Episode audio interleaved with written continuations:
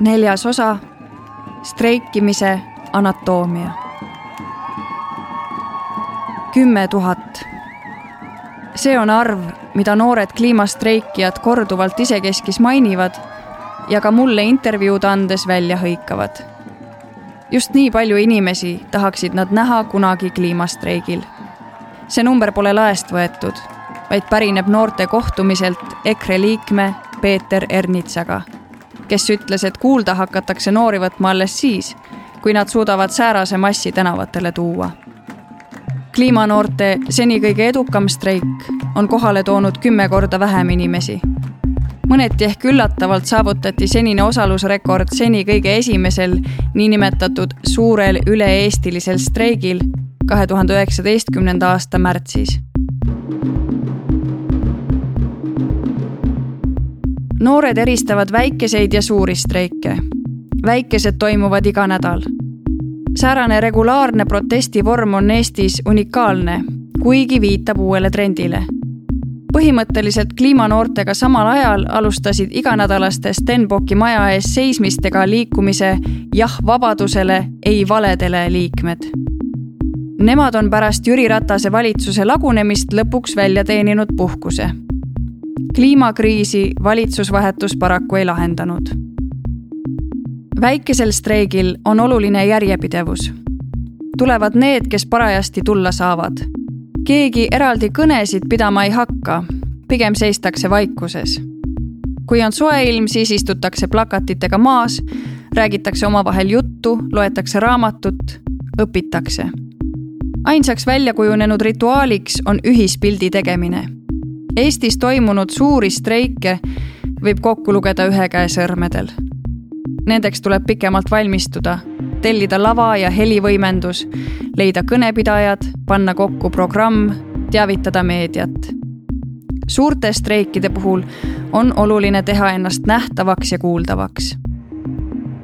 meediakünnise ületamisega on noortel aga hakanud tekkima raskusi. Anette Parksepp ütleb mulle, et tema toimetaja soovib enne fotograafi väljasaatmist teada, mis kliimastreigil täpsemalt juhtuma hakkab. sest uudsuse argumenti ei saa kajastamisel enam välja käia. kliimanoorte viisteist kuulsuse minutit on täis tiksunud. möödunud septembris, kui toimus viimane suurem kliimastreik, oli Parksepp küll kohal, nagu ka mõned fotograafid ja kaameramehed, kuid viimased pidid kurja vaeva nägema, et fotodel oleks näha protestivaid rahvahulki olid esinejad, oli trummibänd, oli suurem lava kui kunagi varem, oli lauludest ja hüüetest koosnev eeskava. näole andsid ennast isegi mõned riigikogulased, kuid kümne tuhande meeleavaldaja asemel sai neile ette näidata ainult paarkümmend kliimaprotestijat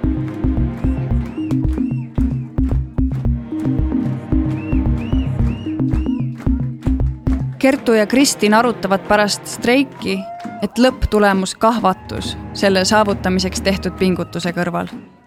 resigneerumist pole tüdrukute nägudelt välja lugeda siiski võimalik.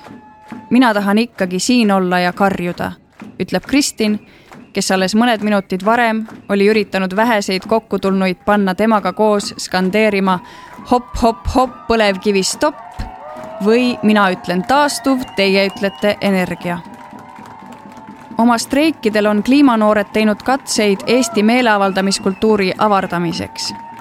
otsitakse erinevaid viise, kuidas panna publik kaasa hüppama, hõikama või laulma.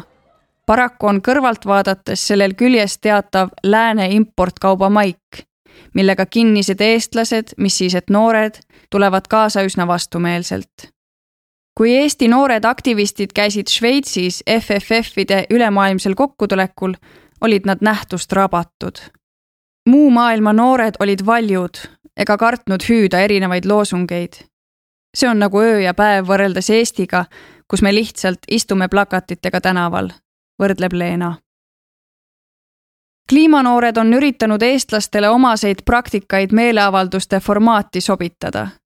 Neil on olemas oma laulik rohkem kui viieteist lauluga, millest mitmed on valminud regilaulu juhendaja kaasabil kuulen minagi uusversioone tuntud rahvaviisidest nagu Kungla rahvas ja Seitse vanatüdrukut. samas tuleb laulude kaudu esile seesama kontrast Eesti ja muu maailma protestikultuuri vahel. laulu sõnad kostavad vaevu, vaevu minu kõrvu, kes ma seisan noortest nelja meetri kaugusel. juhuslikud inimesed, kelle tähelepanu tõmbamiseks laulud on loodud, kõnnivad samal ajal noortest arusaamatu ilmega mööda. Noorte kammitsus on silmaga tajutav. This doesn't sound like a protest ütleb mulle Laura, möödunud sügisel ERL-i juures praktikal olnud sakslanna, kui me jõulude eel kuulame Tartu linna jõulukuuse ette üles rivistunud kliimastreikijaid laulmas. Laura oli sügisel Tartu kliimaprotestidel sagedane külaline. ta oli varem oma kodulinnas Augsburgis reedeti piketeerinud. Kui ma küsin, mille poolest erinevad Eesti streigid Saksamaa omadest, ütleb ta vastuseks, et Saksamaal on rohkem marssimist ja karjumist. inimesed olevat seal vihasemad. ja neid on ka rohkem, igal nädalal keskmiselt sada. kümme, seitse, kaheksa, neli, kaks, kolm. Need on Tallinna ja Tartu streikidel osalejate arvud möödunud aasta suve- ja sügiskuudel igal meeleavaldusel tehakse sotsiaalmeedia tarbeks kõigist osalejatest ka ühispilt.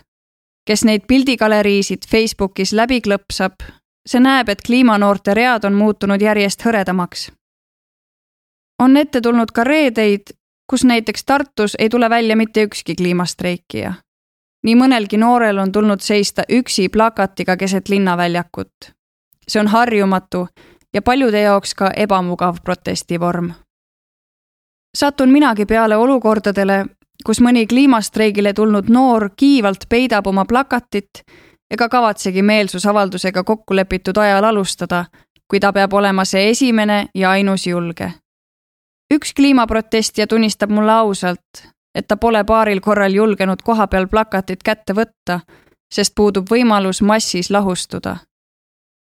tuhandet inimest pole võimalik möödakäijal visuaalselt haarata viite inimest on. teadmine, et sul pole võimalik võõra pilgu eest pageda, nõuab kamaluga rohkem enesekindlust. ühtlasi pead sa olema igal hetkel valmis esinema liikumise kõneisikuna. tuhandepealise massiga ei ole mõtet vaidlema minna. Käputäis keskkooliõpilasi aga lausa tõmbab ligi igat masti kritiseerijaid, tänitajaid ja targutajaid arvestades keskkonnateemade laetust, kehastavad linnatänavatele üles reastunud kliimanoored justkui piksevardaid. kogenumad kliimanoored skeptikutega vaidlemist probleemiks ei pea. Nad näevad seda võimalusena lihvida oma argumenteerimisoskust publiku peal, keda ümber veenda on pea võimatu. Parim, mis sellistes situatsioonides juhtuda saab, on laskuda mõne näpuviibutajaga mitmekümneks minutiks arutellu, kus saab tutvustada omi vaateid ja lõpuks minna sõbralikult lahku. tõsi, ka selline väljavaade tekitab nii mõneski noores ärevust. minul oli hirm, et ma pole piisavalt roheline, et tulla streigile, selgitab mulle Marta, miks ta kohe reedeti protestimas käima ei hakanud. Streigid äratasid temas küll juba varakult huvi, kuid ühtlasi istutasid pähe ka mõtte, et ta ei tea kliimamuutustest piisavalt palju uuringud ongi näidanud, et oma keskkonnateadlikkuse hindamisel on just noored keskmisest kriitilisemad. paradoksaalselt võib see tähendada, et tegelikult ollakse keskkonna ja kliimaprobleemidest hoopis teadlikumad, sest mida teadlikum sa oled, seda rohkem adud ka oma teadmiste piiratust. Vähem teadmisi loob inimesest tunde, et ta on rohkemates asjades ekspert, selgitab Mihkel Kangur miks kliima pärast muretsevad noored võivad ebakindlust tunda. kuid nendega vaidlema tulnud keskealistel meestel, jah, enamasti just neil, jääb argumentide tugevusest sõltumata alati õigust ülegi. Marta oma hirmudele ei alistunud. ta pidas juba oma teisel suurel streigil kõne. Kui pakutakse poodiumi, tekib ka enesekindlus. seda kinnitab mulle ka Leena, kes meenutab, kuidas esimese streigi eel pakuti Sirbis kliimanoortele avaldamispinda, ilma et nad oleksid pidanud eelnevalt oma teadlikkust kuidagi tõestama. tol hetkel olime ilmselt armsad rohelised noored, pakub Leena.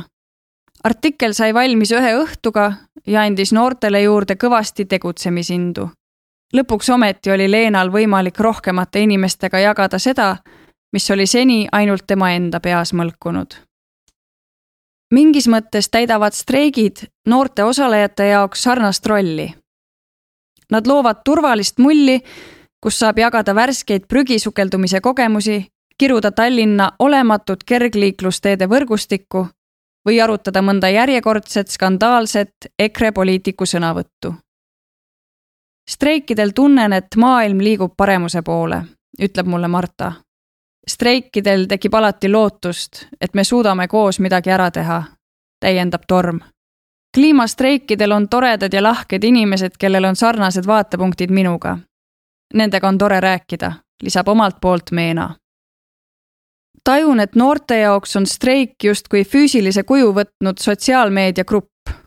See võimaldab killustunud huvidega noorte tegevusi ühise tähistaja ümber koondada.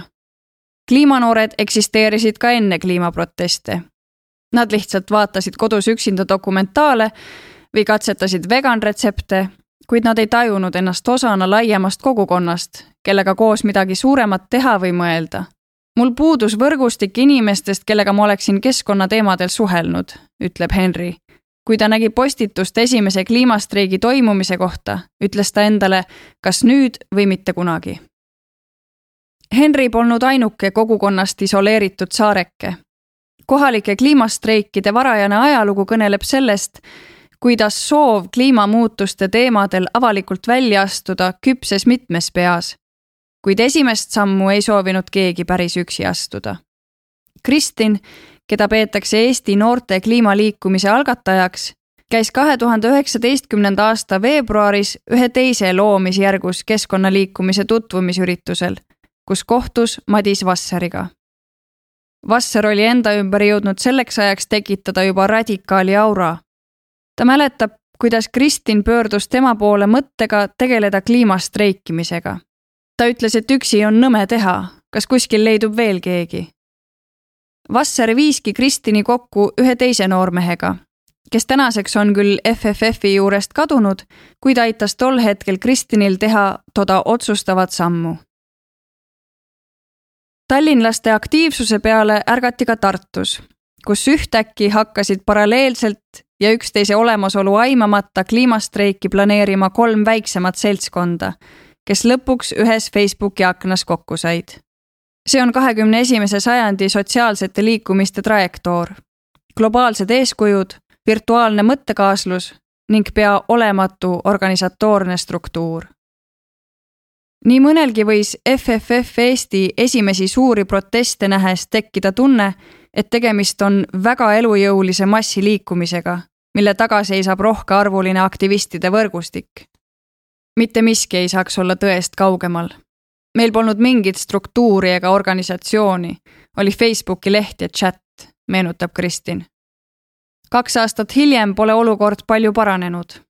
jagatud on küll omavahel vastutusvaldkondi ja üritatud tegevusi paremini planeerida, kuid heal juhul kümne aktivistiga, kes peavad FFF-i tegevused niigi koolitöid, trenne ja huviringe täis pikitud kalendrisse mahutama, on see võrdlemisi keeruline kliimanoored on reeglina ka sellises eas, kus toimub palju elumuutusi.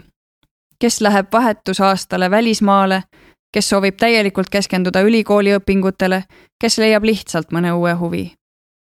nii ongi Eesti kliimanoorte tegevuse põhiraskus käputäie aktivistide õlgadel.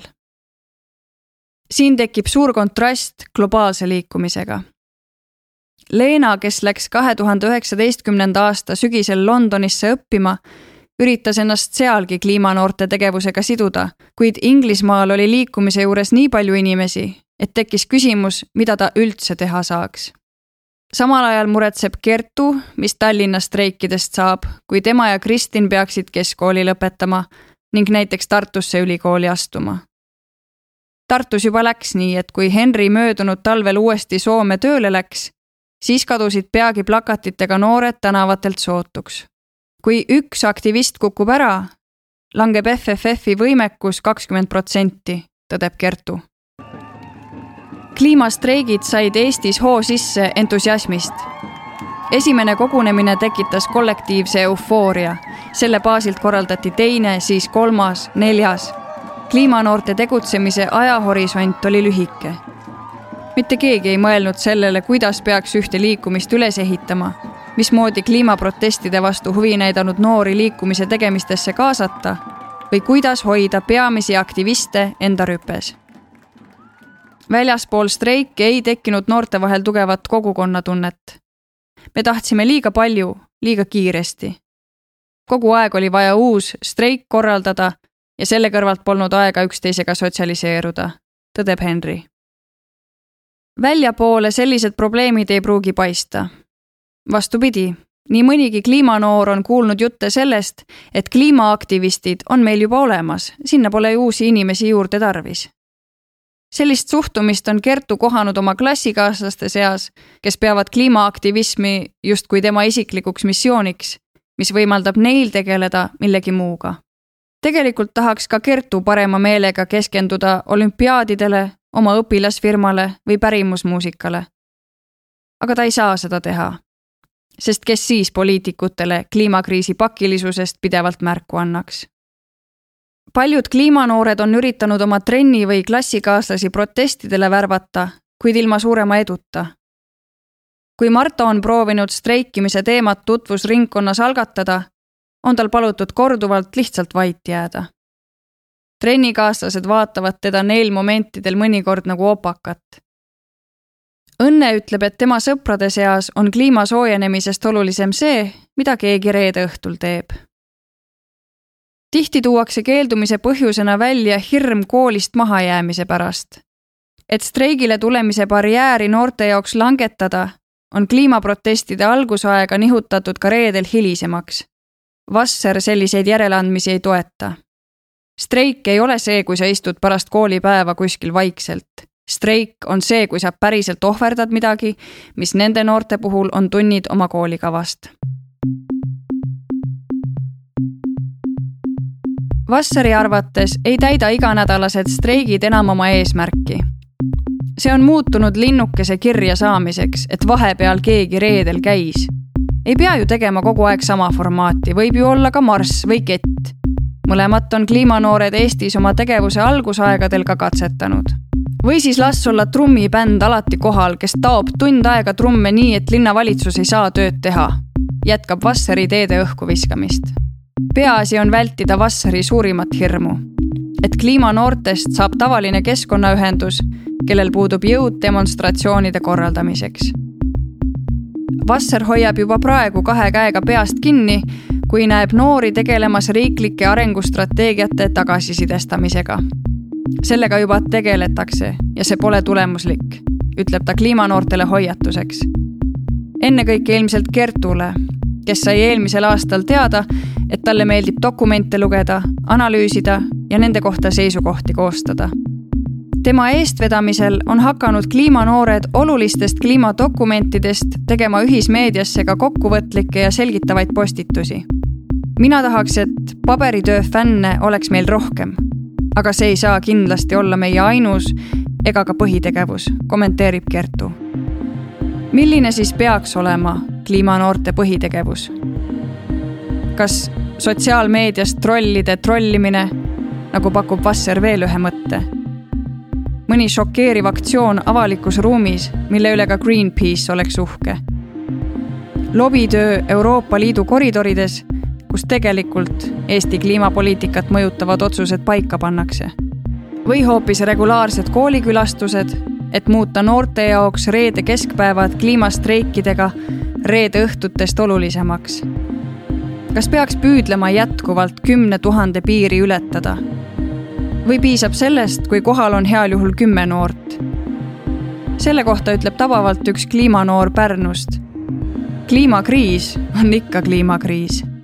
Vahet pole, kui palju inimesi kliimastreigil osaleb.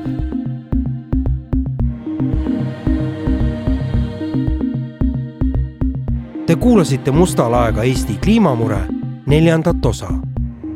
Tekst Henri Kõiv, luges Mariann Heinat, helikujundus ja originaalmuusika Janek Murd.